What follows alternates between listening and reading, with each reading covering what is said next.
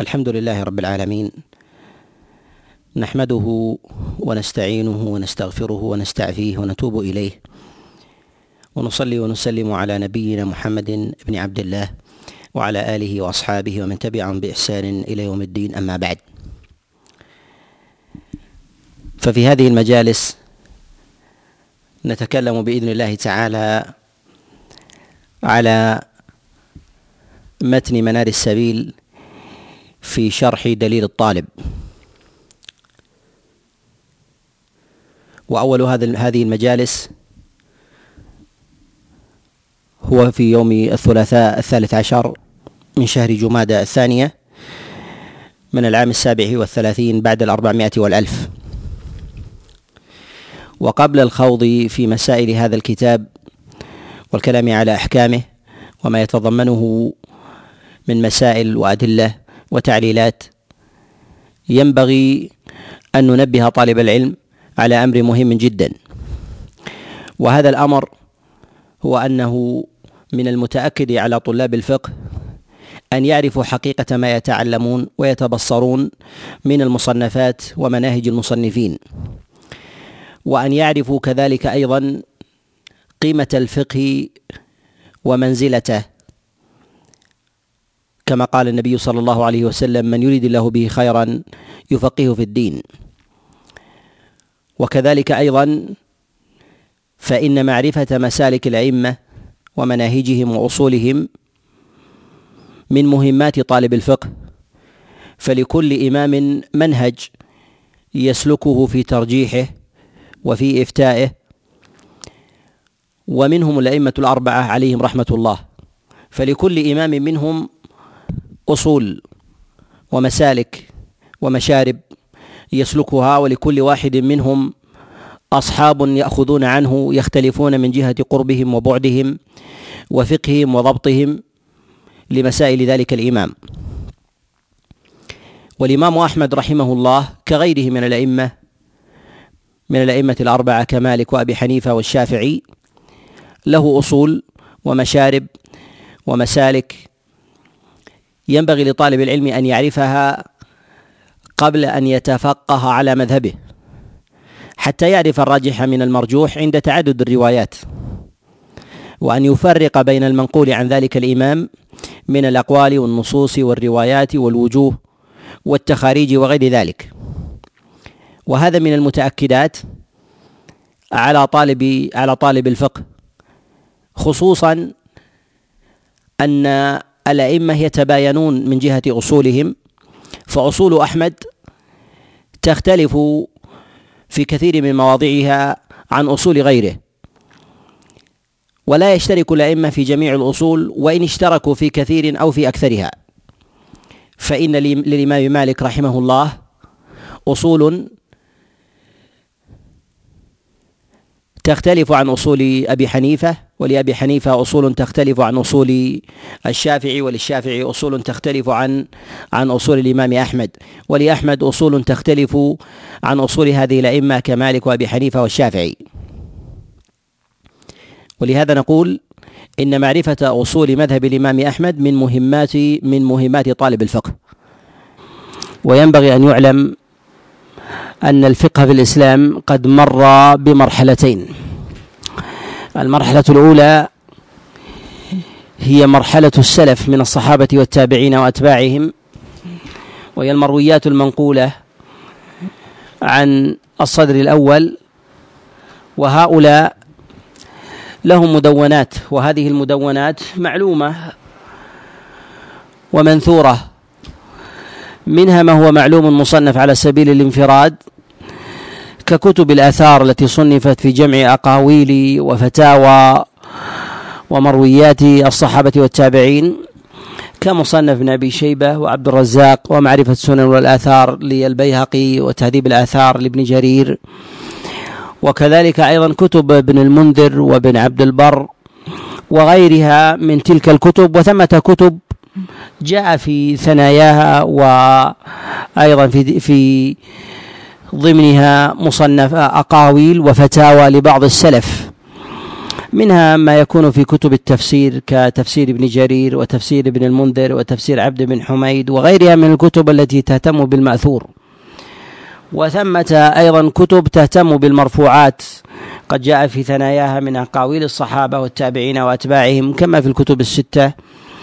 وغيرها. ومنها ما جاء في مسائل الفقه ومدوناته كما جاء في مروياته ومسائل الإمام أحمد رحمه الله وكذلك أيضا في كتب الإمام مالك والمسائل المروية عنه كالمدونة وغيرها وكذلك أيضا كتب الإمام الشافعي والكتب المنقولة عن أبي حنيفة وعن أصحابه كمحمد بن حسن وأبي يوسف وغيرهم. وهذه الكتب قد جمعت أقاويل الصحابة عليهم رضوان الله والتابعين وأتباعهم على اختلافها كثرة وقلة واختصاصا.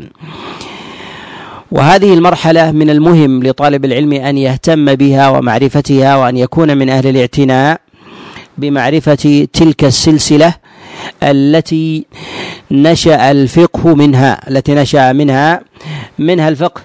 والمرحلة الثانية من مراحل الفقه هي مرحلة أئمة التدوين في الفقه وهي مرحلة الأئمة الأربعة ومن جاء بعدهم ومن اقترن أيضا بهم. فهذا الزمن هو زمن التدوين ولما كانت الأقوال في المرحلة الأولى مختلفة ومتفرقة وشتات وأوزاع على اختلافها فإن الأقاويل قد كثرت في أقاويل الصحابة. ولما كان في التابعين فهو أكثر وفي أتباعهم أكثر. وهكذا كلما جاء الطبقة كثر فيها القول أكثر من غيره كثر فيها القول أكثر أكثر من غيره. ولما كان أولئك الأئمة أهل جمع وتحرير لأقاويل الصدر الأول من الصحابة والتابعين وأتباعهم حرروا تلك الأقوال وكان لكل إمام في ذلك قول راجح. وربما كان للواحد قولان أو أكثر من ذلك في المسألة في المسألة الواحدة. فأرادوا جمع الشتات الذي كان في المرحلة الأولى في الصحابة والتابعين وأتباعهم فجعلوا لذلك أصولا ثم جمعوه في تلك المدونات التي جاءت جاءت عن أولئك عن أولئك الأئمة. وكان غالب الناس يجري على مذاهب الأئمة الأربعة وقلما من يخرج عن تلك عن تلك المذاهب. حتى كان أغلب المدارس هي المدارس مدارس المذاهب الأربعة المالكية والحنفية والشافعية والحنابلة. فكانت تلك المدارس هي سواد الفقه في العالم هي سواد الفقه في العالم. وكلما تقادم الزمن بعد جمع تلك العقد وذلك الشتات الذي كان في المرحلة الأولى اتسعت الروايات عن أولئك الأئمة. وأصبح عن الإمام ثمة روايات وأقوال وكذلك وجوه وتخاريج. وغير ذلك فاتسعت أقوال أولئك الأئمة فوقع فيها شتات أعظم مما وقع في المرحلة الأولى.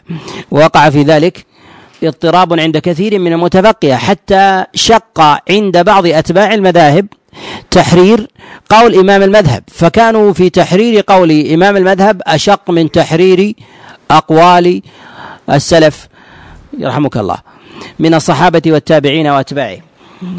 وهذا الشتات وهذه الكثرة والوفرة التي امتلأت فيها مدونات الفقه في تحرير أقوال الأئمة حمل البعض على النفرة من تلك المدارس الفقهية والرجوع إلى المرحلة الأولى.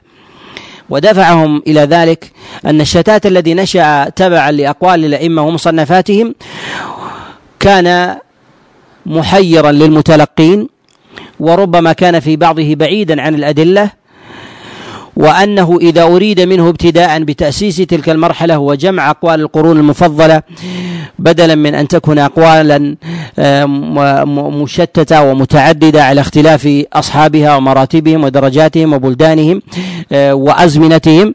فإنه قد حصل في أتباع المذاهب الأربعة من الشتات أعظم مما قصده الأئمة من جهة الجمع. ولهذا نفر بعض بعض طلاب الفقه والمعتنين بمعرفة الحلال والحرام والأحكام التكليفية عموما إلى العودة إلى المرحلة إلى المرحلة الأولى. العودة إلى المرحلة المرحلة الأولى. والناس في عودتهم إلى تلك المرحلة منهم من هو مدقق محقق ومنهم من يقتنص من الأدلة أو من الأقاويل ما يوافق ما يوافق أو يملأ عزيمة على اختلاف في عزيمة الناس في تحرير ذلك. وطوائف قد نفروا من المدرستين إلى الدليل فأخذوا الدليل من الكتاب والسنة ولم ينظروا إلى لا إلى المرحلة الأولى ولا إلى الثانية. وهذا قد نشأ منه أقوال شاذة أقوال شاذة لا تعرف لا في المرحلة الأولى ولا في المرحلة الثانية. فجاءوا بأقوال فهموها من الأدلة مع ضعف في اللسان وقلة أيضا في معرفة الأدلة وأيضا نقص في ملكة الإنسان في السبر والتأمل والاستنباط وغير ذلك. فجاءت أقوال شاذة تنسب إلى مدرسة الحديث. تنسب إلى مدرسة الحديث ومدرسة الحديث منها منها براء.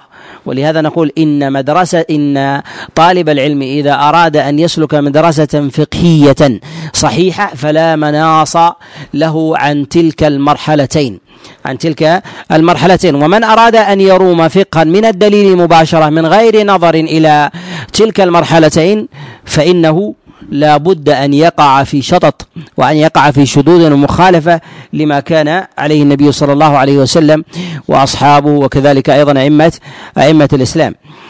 ونحن في آه هذه المجالس والتي نتكلم فيها على أبواب الفقه استضاءة من منار السبيل في شرح الدليل نقول إن ما يتعلق بهذه المسائل التي سنتطرق إليها بإذن الله عز وجل نحتاج إلى تحرير تلك المراحل وربط المرحلة الأولى بالثانية ومعرفة وجوه الربط والترجيح ووجه الترجيح وفهم المسألة على وجهها كما فهمها كما فهمها الأوائل. وأيضا مع التنبيه على أنه ينبغي لطالب العلم أيضا أن كثرة وتشعب الكتب والأقوال وتنوع الناس في تحرير مذهب من المذاهب أو مدونة من المدونات أنه ينبغي له ذلك ألا ينفره من أقوال أقوال الأئمة. وأنه ينبغي أن يعلم أن ما يدفع البعض إلى الاستنباط من الأدلة مباشرة احكاما لا تعرف في أقوال السالفين بحجة تعظيم الدليل أن هذا ليس من تعظيم الدليل في شيء. وذلك أن الله سبحانه وتعالى قد زكى أصحاب القرون المفضلة وحينما زكاهم الله عز وجل صحابة وتابعين وأتباعهم زكاهم الله عز وجل فإذا مر عليهم الدليل ولم يقولوا به فمعنى ذلك أنه يطعن بهم جميعا يطعن بهم جميعا وقد زكاهم الله سبحانه وتعالى. فهو أراد أن ينزه الشريعة وهو يطعن بها من حيث لا يشعر.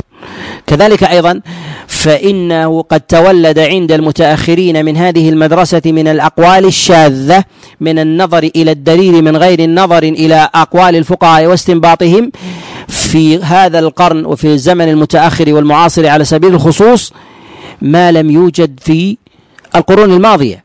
والسبب في ذلك هذه النفرة من التوسع في المذاهب وكثرة الشروح للكتب والمدونات آه، بعيدا بعيدا عن تلك عن تلك الأصول الأولى. وذلك أن الأئمة عليهم رحمة الله كمالك والشافعي وأبي حنيفة والإمام أحمد إنما راموا ورام أصحابهم أن يجمعوا ذلك الشتات. فجاء في نتاجهم في نتاجهم بعد ذلك في قرون من التضخم والشتات أعظم مما قصدوه. أعظم مما مما قصدوه. ولهذا نفر كثير من الناس من مدرسة المدرسة المتأخرة والمرحلة الثانية إلى إلى الأدلة. فتركوا آه، فتركوا المنبع الأصلي الذي ينبغي أن يأخذوا منه وزهدوا كذلك أيضا في أقاويل أولئك الأئمة الذين عرفوا الأدلة وقربوا زمنا منها وقربوا كذلك أيضا زمنا من المرحلة الأولى. والذي ينبغي لطالب العلم أن ينظم عقد الفقه والفتيا فيعرف مخرج الدليل ويعرف من قال به من الصحابة ومن قال به من التابعين وأتباعهم وينظمه بقول الأئمة الأربعة ثم يعرف وجوه الترجيح عند تعدد الأقوال في قول إمام من الأئمة سواء كان مالك أو كان أو كان أبا حنيفة أو الشافعي أو الإمام أحمد. فإنه يعرف بذلك وجوه الترجيح عنده خاصة إذا عرف طالب العلم مشرب ذلك الإمام ومسلكه في الترجيح عند عند تعدد الأقوال في في المذاهب في المذاهب السابقة في المرحلة الأولى. والكلام على الخلاف النازل وتنوع الأقوال وتعددها في كلام الأئمة بدءا من الأئمة الأربعة ومن جاء بعد ذلك مما يطول جدا. وليس هو من مقصودنا في الكلام على على منار السبيل. وإنما مقصودنا في ذلك أن نحرر المسألة وأن نفهم مراد المصنف منها وأن نعرف في ذلك دليلها دليلها من الكتاب والسنة وأن نعرف قول الإمام أحمد رحمه الله وإن تعددت الأقوال عنه في ذلك ثم نعرف الراجح من أقواله على نهجه وأصوله ثم نعرف الراجح أيضا في المسألة في ذاتها من جهة التحرير العام ودليل الرجحان. ودليل الرجحان من دليل الكتاب والسنة والأثر فننظم عقد المرحلتين بكاملها. وينبغي لطالب العلم أيضا أن يعلم أنه لا يمكن له أن يتمكن من معرفة تحرير مذهب إمام من الأئمة الأربعة إلا وقد عرف عرف أشياء أربعة. أشياء أربعة أو نستطيع أن نقول خمسة عند عند زيادة زيادة التفصيل و وتمامه. ومنهم الإمام أحمد عليه عليه رحمة الله. الأمر الأول أن يكون عالما بالأدلة من الكتاب والسنة. عالما بأدلة الوحي من الكتاب من الكتاب والسنة. فإنه إذا كان عارفا بأدلة الكتاب والسنة عرف موضع الحجة الذي يقصدها ذلك الإمام لأنه ربما بعض الأئمة يرجح في مسألة من المسائل على على دليل ولكنه لا ينص عليه فيقول بقول ولا ينص على دليله. وربما جاء جاء عنه في مسألة من المسائل قولان والدليل على أحدهما ولم يذكر الدليل فكان وجود الدليل في المسألة مرجحا على أحد القولين ما لم يجتمع في ذلك مرجحات مرجحات أخرى تجري على أصوله في ذاته لا على أصل المسألة عموما كما أنه ينبغي لنا أن نفرق أن المرجحات في المسألة في ذاتها شيء وأن المرجحات في مذهب الإمام شيء لأن له أصول ترجح الراجح من قوله عند اختلافه ويكون الراجح في المسألة أمرا آخر فينبغي لطالب العلم أن يفرق بين بين المسلكين. فقد يكون الراجح لديك في مسألة من المسائل هو قول مرجوح عند الإمام ولكن الراجح عند الإمام هو القول الآخر الراجع عند الإمام والقول الآخر لأنك ترجح قول الإمام بناء على أصوله وترجح المسألة بناء على الأصول العامة التي تستدل بها من جهة معرفة الدليل وقوته فينبغي فينبغي لطالب العلم إذا أراد أن يعرف الراجح من أقوال الإمام أن تنفك عن مسألة الراجح في أصل المسألة عنده في أصل المسألة عنده وألا ترابط بينها. وبهذا نعلم أن بعض آه، طلاب العلم الذي يعمد إلى بعض الأقوال إلى بعض الأقوال للإمام ويكون ذلك القول رواية عن الإمام ولكن ليس عليها عامة أصحابه أو جمهورهم أو المح أو ليس عليها المحققون من أصحابه. ويستروح ويستظهر دليلا آخر هو أظهر ثم يقوم بترجيح ذلك القول لذلك الإمام ويرى أنه هو الصحيح ويضعف غيره بناء على أن الإمام يقول إذا صح الدليل فهو فهو مذهبي.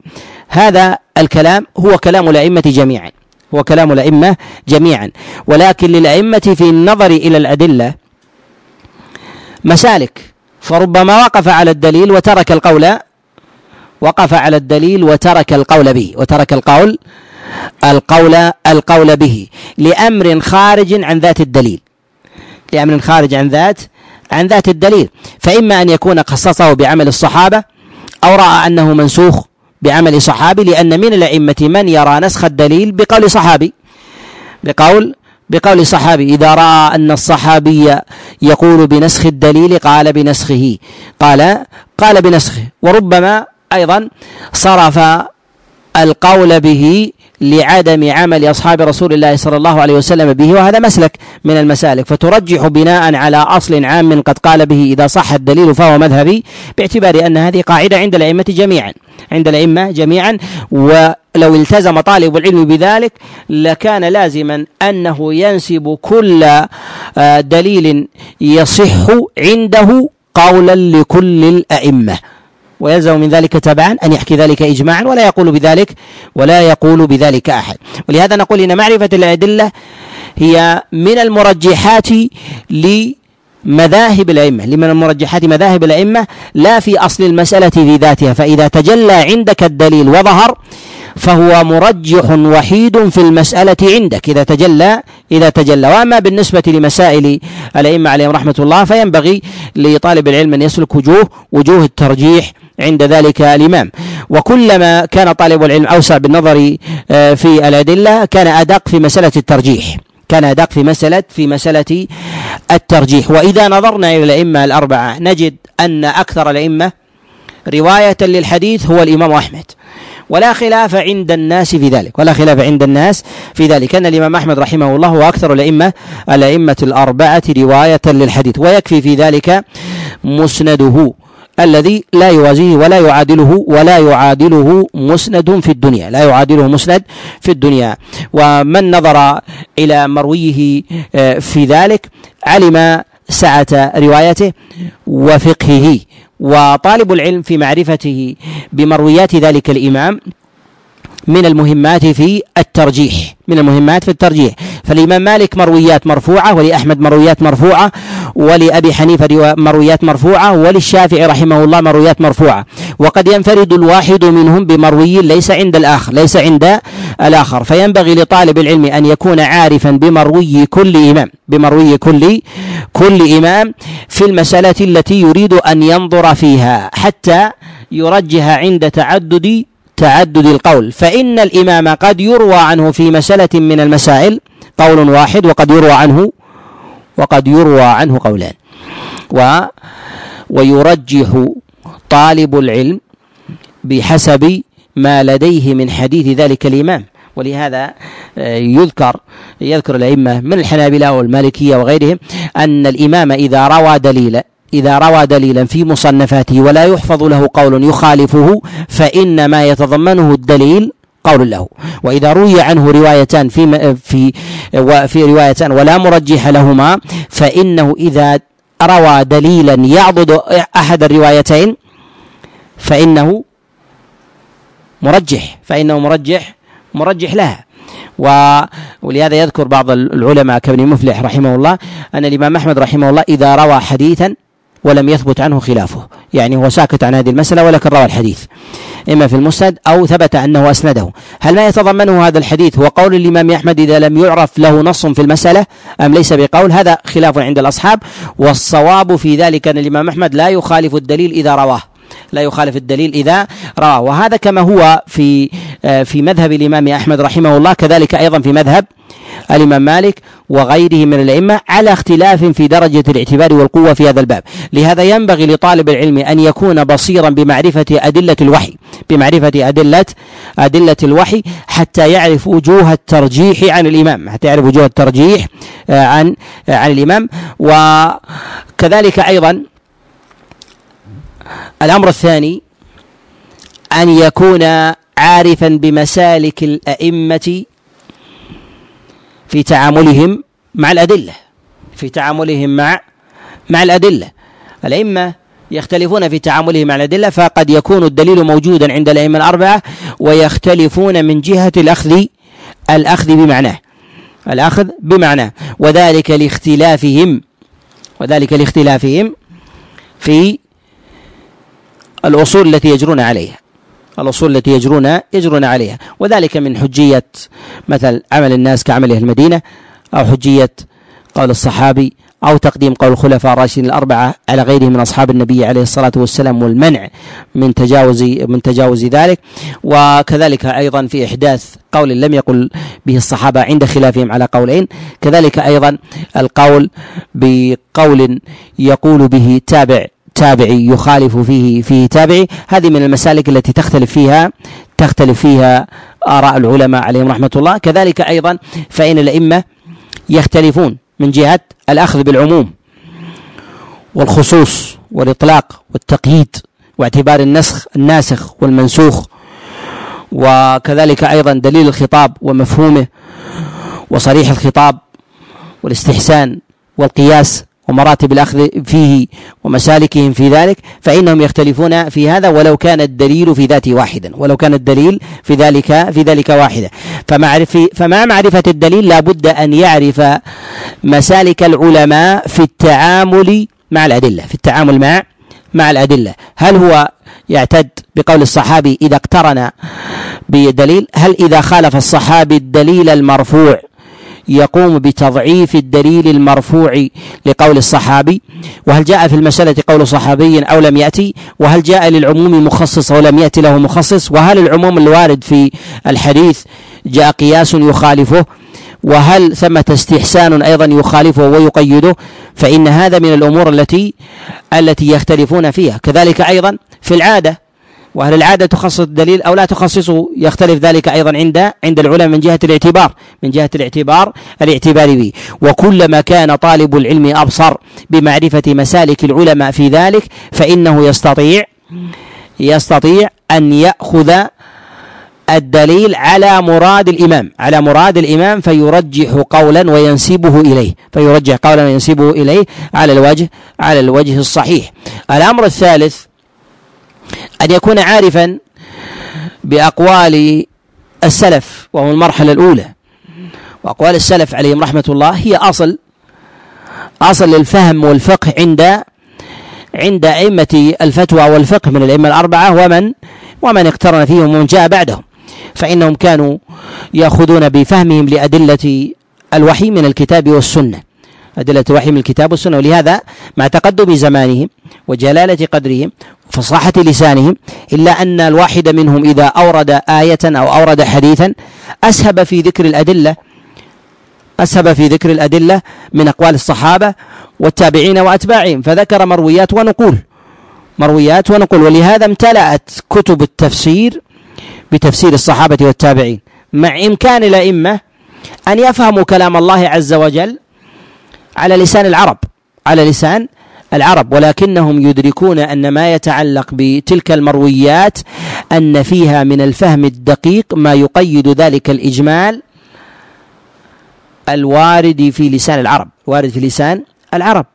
أو يكون مخصصا أو يكون مبينا لنسخ أو غير ذلك من المعاني. ولهذا كانوا يجلون فلمرويات السلف تأثير. ولكن الأئمة عليهم رحمة الله يختلفون في مشاربهم من أقاويل السلف. في مشاربهم من أقاويل السلف. ولهذا نقول لا بد لطالب العلم أن يفهم هذا الأمر والأمر الثالث أن يكون عارفا بأقوال بأقوال السلف الصالح. عارفا بأقوال الصحابة عارفا بأقوال التابعين عارفا بأقوال بأقوال أتباع التابعين عارفا بمشرب كل إمام منهم.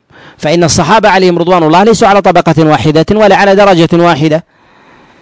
ومنهم الخلفاء الراشدون الأربعة الذين الأصل أنه لا يسوغ للإنسان أن يخرج عن قولهم عند اجتماعهم على خلاف في هذا الباب ويأتي الكلام عليه.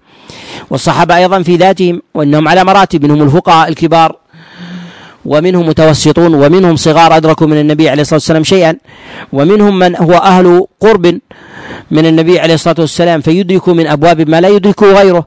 فأزواج النبي عليه الصلاة والسلام يدركن من فقه يتعلق بهن ما لا يدرك غيرهن. ومن الصحابة من هو لصيق بالنبي عليه الصلاة والسلام في مغازيه وسيره ويعرف من أحكام الغنائم والفي والجزية والجهاد ما لا يدركه غيره ممن ممن هو في ممن هو ممن هو في المدينة. وهم يختلفون أيضا بما أتاهم الله عز وجل مما أتاهم الله عز وجل من من خلقة. فمنهم المبصر ومنهم الأعمى. ومنهم من أدرك النبي عليه الصلاة والسلام في مرحلته في مكة والمدينة. ومنهم من أدرك منه عاما ومنهم من أدرك منه عامين ومنهم من أدرك أكثر من ذلك ومنهم من أدرك أقل. فهم يتباينون أيضا في مراتبهم.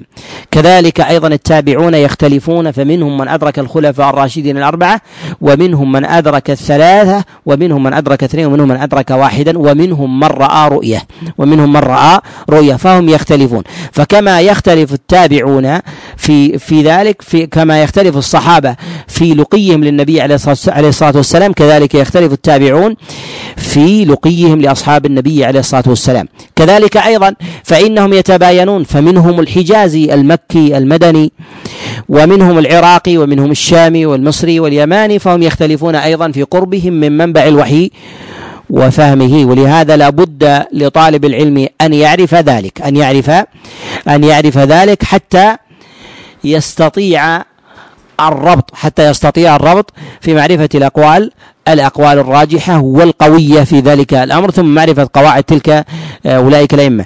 وقد يقول قائل ما الصلة في معرفة أقوال السلف؟ بمعرفة أقوال الأئمة. بمعرفة أقوال الأئمة الأربعة فإذا جاء قول مثلا عطاء وقول عن طاووس وقول مثلا آه، عن ابن المسيب وعطاء بن يسار ما الصلة في الترجيح في هذا الأمر عن عند الأئمة عند الأئمة الأربعة؟ نقول إن طالب العلم ربما لا يتضح له ذلك في مسألة ومسألتين وثلاث وأربع وإنما يتضح له ذلك كلما أكثر نظرا في أبواب الفقه عرف أن الإمام غالبا يوافق ذلك ذلك السالف من الصحابة أو التابعين في هذا الباب دون ذلك الباب.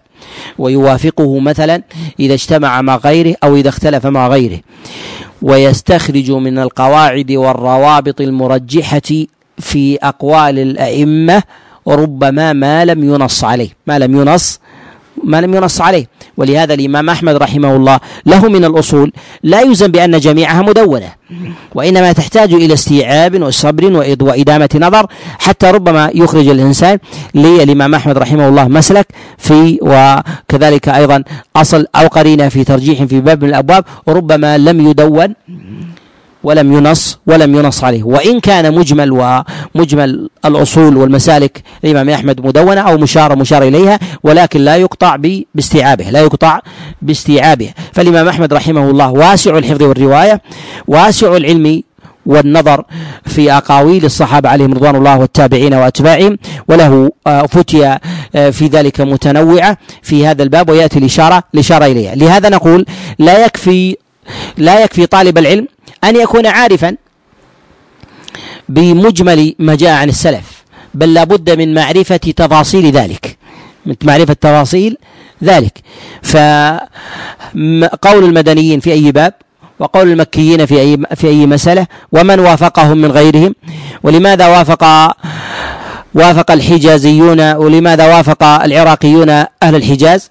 ولماذا انفرد أهل اليمن بذلك؟ والعلة في ذلك؟ وهل لبعدهم أثر؟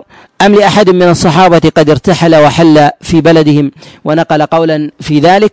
وما هي العلة في هذا في هذا الأمر؟ لهذا تجد الأئمة لديهم ربط في ذلك لسلاسل مفقودة ولم يكن منصوصا عليها في الرواية. ولهذا تجد في كلام الشافعي رحمه الله أنه يرجح في بعض الأحيان قول طاووس لأنه يعلم أن الحلقة المفقودة هي عن معاذ. فيقول لو كان لو كان هذا لو كان قول معاذ على خلافه ما قال به ما قال به طاووس. مع أنه لم ينص مع أنه لم ينص عليه. وهذه المسالك والمشارب عرفها في مواضع ثم حينما فقدها في موضع أجراها على الأصل أجراها أجراها على الأصل. فكانت قرينة مرجحة حتى عند صحابي عند فقده عند فقده. فكيف به إذا كان معلوما وقد نص وقد نص عليه؟ فكلما كان طالب العلم أبصر بمعرفة آه، فتيا المرحلة الأولى من مراحل الفقه من الصحابة والتابعين وأتباعهم فإنه يكون أبصر بوجوه الترجيح أبصر بوجوه بوجوه الترجيح. الأمر الرابع الأمر الرابع والرابع؟ نعم. ها؟ نعم. الأمر الرابع معرفة مسالك الأئمة في اختيارهم لأقوال السلف.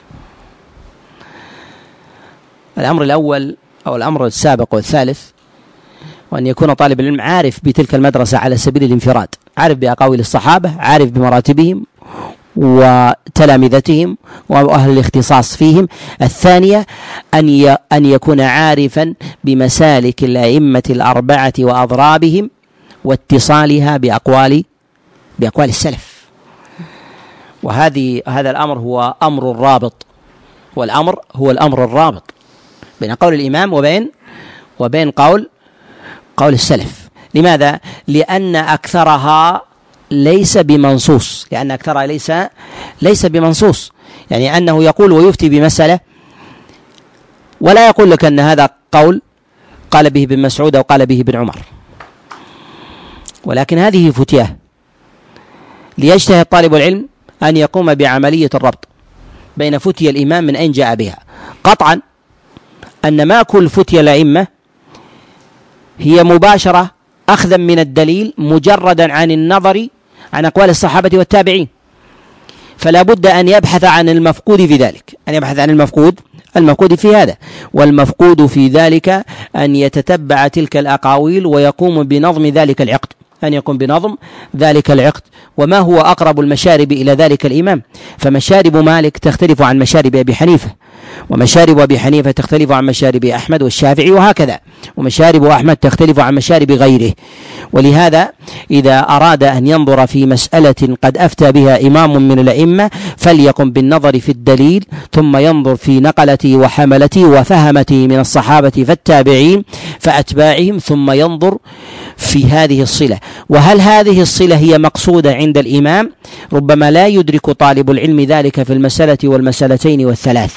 ولكن إذا تكرر لديه في مسائل متعددة واستوعب الفقه نظرا عرف أن الإمام إذا قال في مسألة في باب من الأبواب أن هذا الأمر متصل بتلك السلسلة.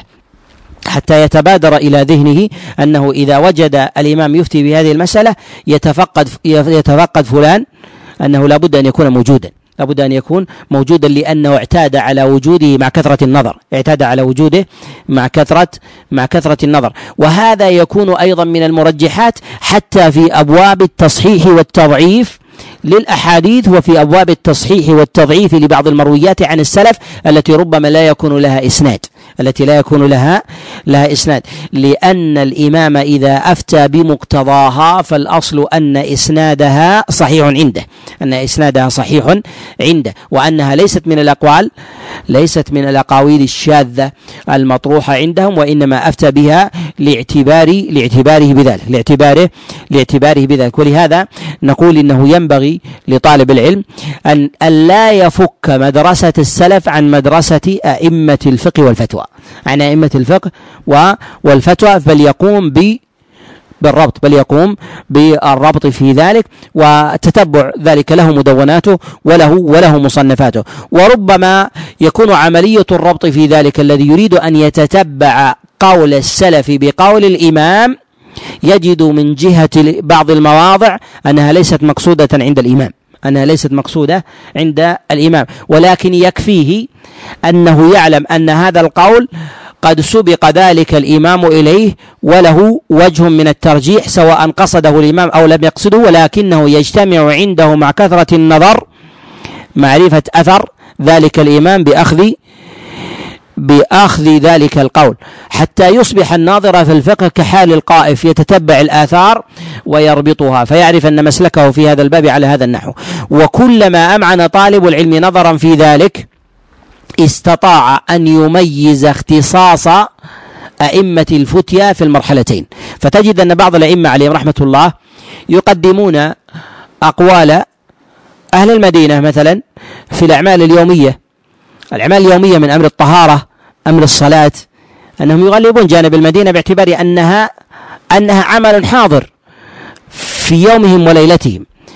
فدخول البدعة فيها والغلط فيها مما يندر بخلاف الآفاقيين بخلاف الآفاقيين. فإن الصلاة مشاهدة والوضوء مشاهد ويرى في اليوم مرات وأمام الناس فورود البدعة والإحداث في ذلك نادر.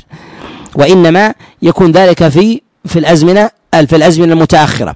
فيجد أن الأئمة عليهم رحمة الله يرجحون في باب ما لا يرجحونه في آخر. فتجد أنهم يميلون في هذا الباب على هذا على هذه المدرسة وفي باب أخرى يجد أنهم يرجحون على مسلك آخر وباب آخر. وهذا يكون من المرجحات عند طالب العلم عند فقد الدليل عند فقد الدليل. ويكون أيضا مرجحا له عند تعدد الأقوال للإمام عند تعدد الأقوال للإمام. ومن الأمور المهمة التي ينبغي أن أن يلتفت إليها أن كثيرا من المدارس الفقهية ومن يتكلم على أصول مذاهب الأئمة وترجيح الروايات يكثرون من ذكر المرجحات في قول الإمام باعتبار نقلة أقواله. باعتبار نقلة نقلة أقواله. أقل من اعتبار مآخذه الأولى ومشاربه التي لم ينص عليها التي لم ينص عليها. ولهذا تجد أنهم يقولون أن فلان هو ألصق بهذا الإمام. فرجحوا القول باعتبار أنه ألصق وأنه أدوم أو آخر الناس عهدا بذلك بذلك الإمام.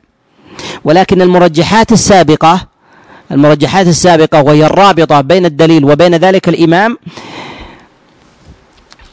تأتي مرتبة دون ذلك وربما تضعف عند عند بعض محرر المذاهب عند بعض محرر محرر المذاهب وربما تتلاشى في بعض الأبواب تتلاشى في بعض الأبواب. والسبب في ذلك السبب في ذلك أن الأمر الرابط بين الإمام وبين الأدلة يكثر عدم النص عليه. فلا يقول مثلا ان أبا حنيفة أفتى بذلك؟ لأنه قول فلان وفلان من الصحابة والتابعين فجرى على هذا على جرى على هذه القاعدة. ولكن يقولون هذا هو الذي أفتى به صاحبه فلان وصاحبه فلان. وكذلك أيضا الإمام مالك وكذلك أيضا الشافعي وغير وغير ذلك. وهذا الأمر لا يقال بعدمه وإنما هو موجود ولكنه ينبغي أن يولى اهتماما أعظم من ذلك، لماذا يولى اهتماما أعظم من ذلك؟ يعني أعظم من النظر إلى الأسباب المرجحة بعد الإمام. لأن الأسباب المرجحة إما أن تكون قبل الإمام وإما أن تكون بعده. فينبغي أن ننظر للاسباب المرجحة عند الاختلاف لقول الإمام قبله أكثر من الأسباب المرجحة عند تعدد الرواية والقول بعده. وهل يعني من ذلك عدم أهمية الأسباب التي تكون بعد الإمام معرفة أصحابه والنقول عنه؟ نقول لا. وهو الأمر الخامس. وهو الأمر الخامس بمعرفة أقوال الإمام وأصحابه. معرفة أقوال الإمام وأصحابه. كما أنه ينبغي لطالب العلم عند تحرير القول معرفة مشرب الإمام أن يعرف شيوخه وتسلسل رابطة بالدليل. حتى يعرف أثره من جهة الأخذ كذلك أيضا أن يعرف النقل عنه. أن يعرف النقل عنه. ونستطيع أن نقول معرفة الناقل والمنقول. معرفة الناقل والمنقول. ومعرفة الناقل والمنقول في ذلك من الذي نقل هذه الرواية؟ وما صفتها؟ وما صفتها؟ لأن أقوال الإمام تختلف. أقوال الإمام تختلف. منها أقوال ونصوص ومنها روايات لا يعلم نصها وإنما حكيت فيقال كرهه أحمد. من غير ذكر لنص قول أحمد في ذلك. من غير ذكر لنص قول أحمد في ذلك. أو منع منه أحمد. أو في رواية عن أحمد كذا. فنفرق بين النص والقول وبين الرواية وبين الوجه وبين التخريج فتلك مراتب مختلفة ومتباين. فلا بد من معرفة المنقول عن الإمام وصفته فإنه يختلف. ومعرفة الناقل أيضا فإن الناس في قربهم من الأئمة يختلفون. منهم القريب من جهة النسب والمخالطة كالبنوة أو الزوجة أو ابن العم أو كذلك أيضا الجار. ويختلفون أيضا في زمن المخالطة. فمنهم من خالطه عاما ومن خالطه عامين ومن خالطه أكثر من ذلك ومنهم من مر عليه مرورا فرآه في موضع ثم غادر. وبه وبهذا نحرر مناطات أقوال الأئمة. لأن المناطات إما أن يكون المناط خاصا وإما أن يكون عاما. المناط الخاص ربما ينقل عاما وهو في حقيقته خاص. ربما سئل الإمام عن حالة معينة وصفة فأفتى بفتيا فنقلت الفتيا ولم تنقل الحالة. ثم جاء عنه قول قول عام في المسألة جاء مخالفا لذلك. فالقول العام مناطه عام والفتيا مناطها خاص. فجاء فحكي حينئذ عن الإمام قولان عن الإمام قولان. ولهذا نقول إن تعدد الأقوال في ذلك ظاهرة في مذهب الإمام أحمد. والسبب في ذلك أن الإمام أحمد لم يدون كما دون غيره ولم يملي عليه رحمة الله كما أملى غيره. ولهذا وقع في ذلك اضطراب بين مناطات أقواله الخاصة والعامة. بين مناطات أقواله الخاصة والعامة. ولهذا ينبغي لطالب العلم إذا أراد أن أن يحرر مذهب الإمام أحمد وقوله في مسألة من المسائل إذا جاء عنه رواية أن يبحث عن المناط. فإذا كانت رواية منقولة أين سئل عنها؟ وهل سئل مقرونا بتعليل أم سئل سؤالا عاما أو غير ذلك حتى يعرف ذلك الوجه ويحمل القول العام ويجعله هو الفتية أو رأي الإمام ويحمل تلك على أنها مناط خاص على أنها مناط مناط خاص وبه يستطيع أن يرجح وبه يستطيع يستطيع أن يرجح. وأصحاب الأئمة ليسوا على مرتبة واحدة. أصحاب الأئمة ليسوا ليسوا على مرتبة على مرتبة واحدة. وهم يختلفون على ما تقدم. منهم العالم الضابط ومنهم القريب ولكنه ليس بعالم ضابط ربما وقع منه الوهم. فالغريب أولى وأدق ويقدم عليه. ولو مر اعتراضا. ولهذا كان أصحاب الإمام أحمد رحمه الله على مراتب على مراتب متعددة. وينبغي لطالب العلم ويتأكد حينما يريد الترجيح بين أقوال الإمام أن يجمع بين هذه الأمور الأربعة. فإذا كان جامعا لها فإذا كان جامعا لها يستطيع طالب العلم أن يرجح بين أقوال الإمام عند تعددها. بين أقوال الإمام عند عند تعددها وذلك يحتاج إلى إدامة نظر. ونحن في هذا الشرح بإذن الله عز وجل نتكلم على المسائل نورد المسألة ثم ننظر إلى مسلك الإمام فيها ومن سبقه عليها ونتكلم على دليلها. والراجح في مقتضى مسالك وأصول الإمام بهذه الأمور الأربعة ثم نبين الراجح في المسألة بعيدا عن عن مذهب الإمام بعيدا عن مذهب الإمام سواء كان ذلك موافقا أو لم يكن أو لم يكن موافقا. ودليل الرجحان في ذلك ودليل الرجحان في ذلك. والأصل أننا لا نلتزم في إيراد الخلاف في بقية المذاهب الأربعة وأدلة آه، المذاهب في ذلك لأن هذا باب واسع لأن هذا باب واسع وقد تكلمنا عليه وتوسعنا آه، فيه بالمستطاع في شرح المحرر. ونحن ما يتعلق في هذه المسألة وهذا الكتاب نتكلم على مذهب الإمام أحمد رحمه الله وما ترجح في هذا في هذه في هذه المسائل. وإنما كان الاختيار وإنما كان الاختيار لمنار السبيل لأن هذا الكتاب جمع جمع أمرين. الأمر الأول الاختصار الثاني كثرة الأدلة. ويقل في المذهب من جمع هذين الوصفين وإن وجد. والسبب في ذلك أن هناك من المصنفات ما تكون مختصرة مختصرة وهي أخصر منه ربما بكثير ولكن من جهة الأدلة تقل فيه. ومنها ما تعتني بالأدلة ولكنها تخل في جانب الاختصار ويكون في ذلك من الإسهاب والتفريع في هذا في هذا الباب في هذا الباب.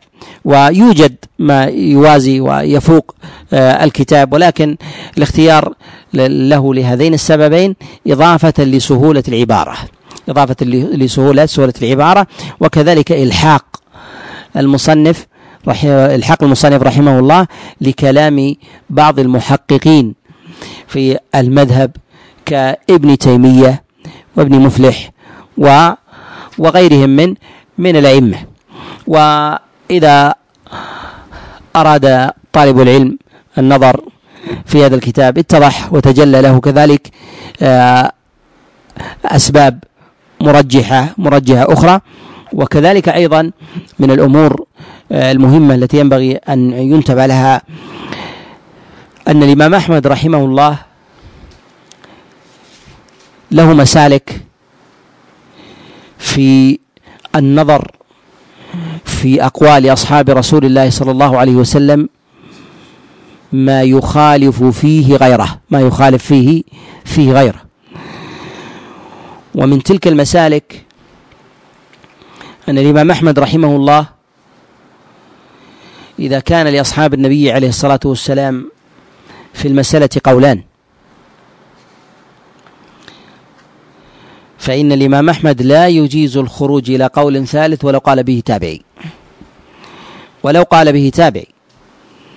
ولو كان متقدما ذلك التابعي.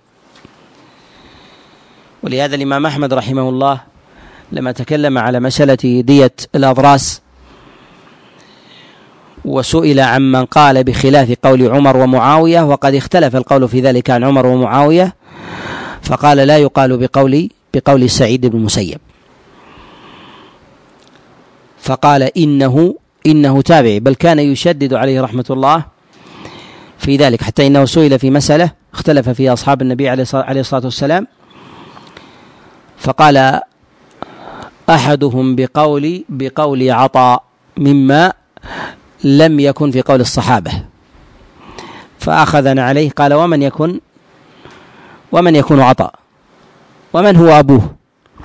كأنه يعني يوبخ في الخروج في مسألة قد اختلف عند الصحابة وأحدث في ذلك قول ثالث عن التابعين. أحدث قول ذلك عن ثالث عن التابعين. ومن هذا ما جاء في مسألة الصلاة بين بين التراويح. فكان الإمام أحمد رحمه الله يرى ترك الصلاة بين التراويح وأنه ولو راوح الإمام واستراح أن المأموم لا يصلي. بل يجلس ويذكر الله عز وجل. فقيل له يروى في ذلك عن عن الحسن وسعيد.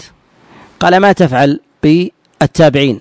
أقول لك أصحاب رسول الله صلى الله عليه وسلم وتقول لي فلان وفلان. يعني أن الإمام أحمد رحمه الله يرى أن القول إذا جاء فيه عن أحد من أصحاب النبي عليه الصلاة والسلام ليس لأحد أن يتجاوز. ولو كان الاختلاف عندهم على قولين ليس له أن ينظر إلى قول ثالث ولو قال به تابعي ولا أجل في التابعين في المدينة من سعيد بن المسيب من سعيد بن المسيب مع ذلك قال بخلافه وهذه أيضا من الأمور التي تكون من المرجحات عند عند ورود آه، مثلا قول أو أو أو رواية عن الإمام أحمد على وجه من الوجوه فينظر في أثره وعادته ومسلكه ومسلكه في ذلك فربما كان ذلك من من المرجحات. كذلك أيضا أن الإمام أحمد رحمه الله في أقوال الأئمة الأربعة أقوال الأئمة الأربعة يشدد في الخروج عنهم. وتشديده في في عدم الخروج عنهم. في باب ربما غاير الأكثر أنه يرى أن الخلفاء الراشدين الأربعة أو أن الواحد منهم إذا قال بقول ليس لغير ليس لأحد أن يقول بقول صحابي آخر. يعني ولو كان المخالف في ذلك صحابيا ولو كان في ذلك المخالف صحابي. أما القول بقول تابعي يخالف قول الخلفاء الراشدين فهذا يقول به غيره بل منهم من يشدد في ذلك كمالك عليه رحمة الله. ولهذا سئل الإمام مالك رحمه الله كما نقل ابن حزم عنه في الإحكام بإسناد صحيح أن الإمام مالك سئل عن رجل يقول أخبرنا فلان عن فلان عن عمر وأخبرنا فلان عن فلان عن إبراهيم يعني النخعي. قال ونحن نقول بقول إبراهيم. فقال مالك هل صح عندهم قول عمر؟ قال صح عندهم قول عمر كما صح عندهم قول إبراهيم. قال أرى أنه يستتاب. أرى أنه يستتاب. والإمام أحمد رحمه الله والإمام أحمد رحمه الله أشد من ذلك. يرى أنه لا يقال بقول صحابي إذا خالف قول الخلفاء الراشدين الأربعة لماذا؟ ذلك لقول النبي عليه الصلاة والسلام عليكم بسنتي وسنة الخلفاء الراشدين المهديين بعدي. فهذا إذن من المرجحات. إذا جاءت روايتين عن الإمام أحمد فالتمس إذا وجدت خلافا في ذلك وجدت أحد القولين أحد الخلفاء الراشدين الأربعة. فهذا من المرجحات لمذهب الإمام أحمد وهي مرجحات سابقة لا مرجحات لاحقة. تعتضد بغيرها فيرجح وجها على على وجه.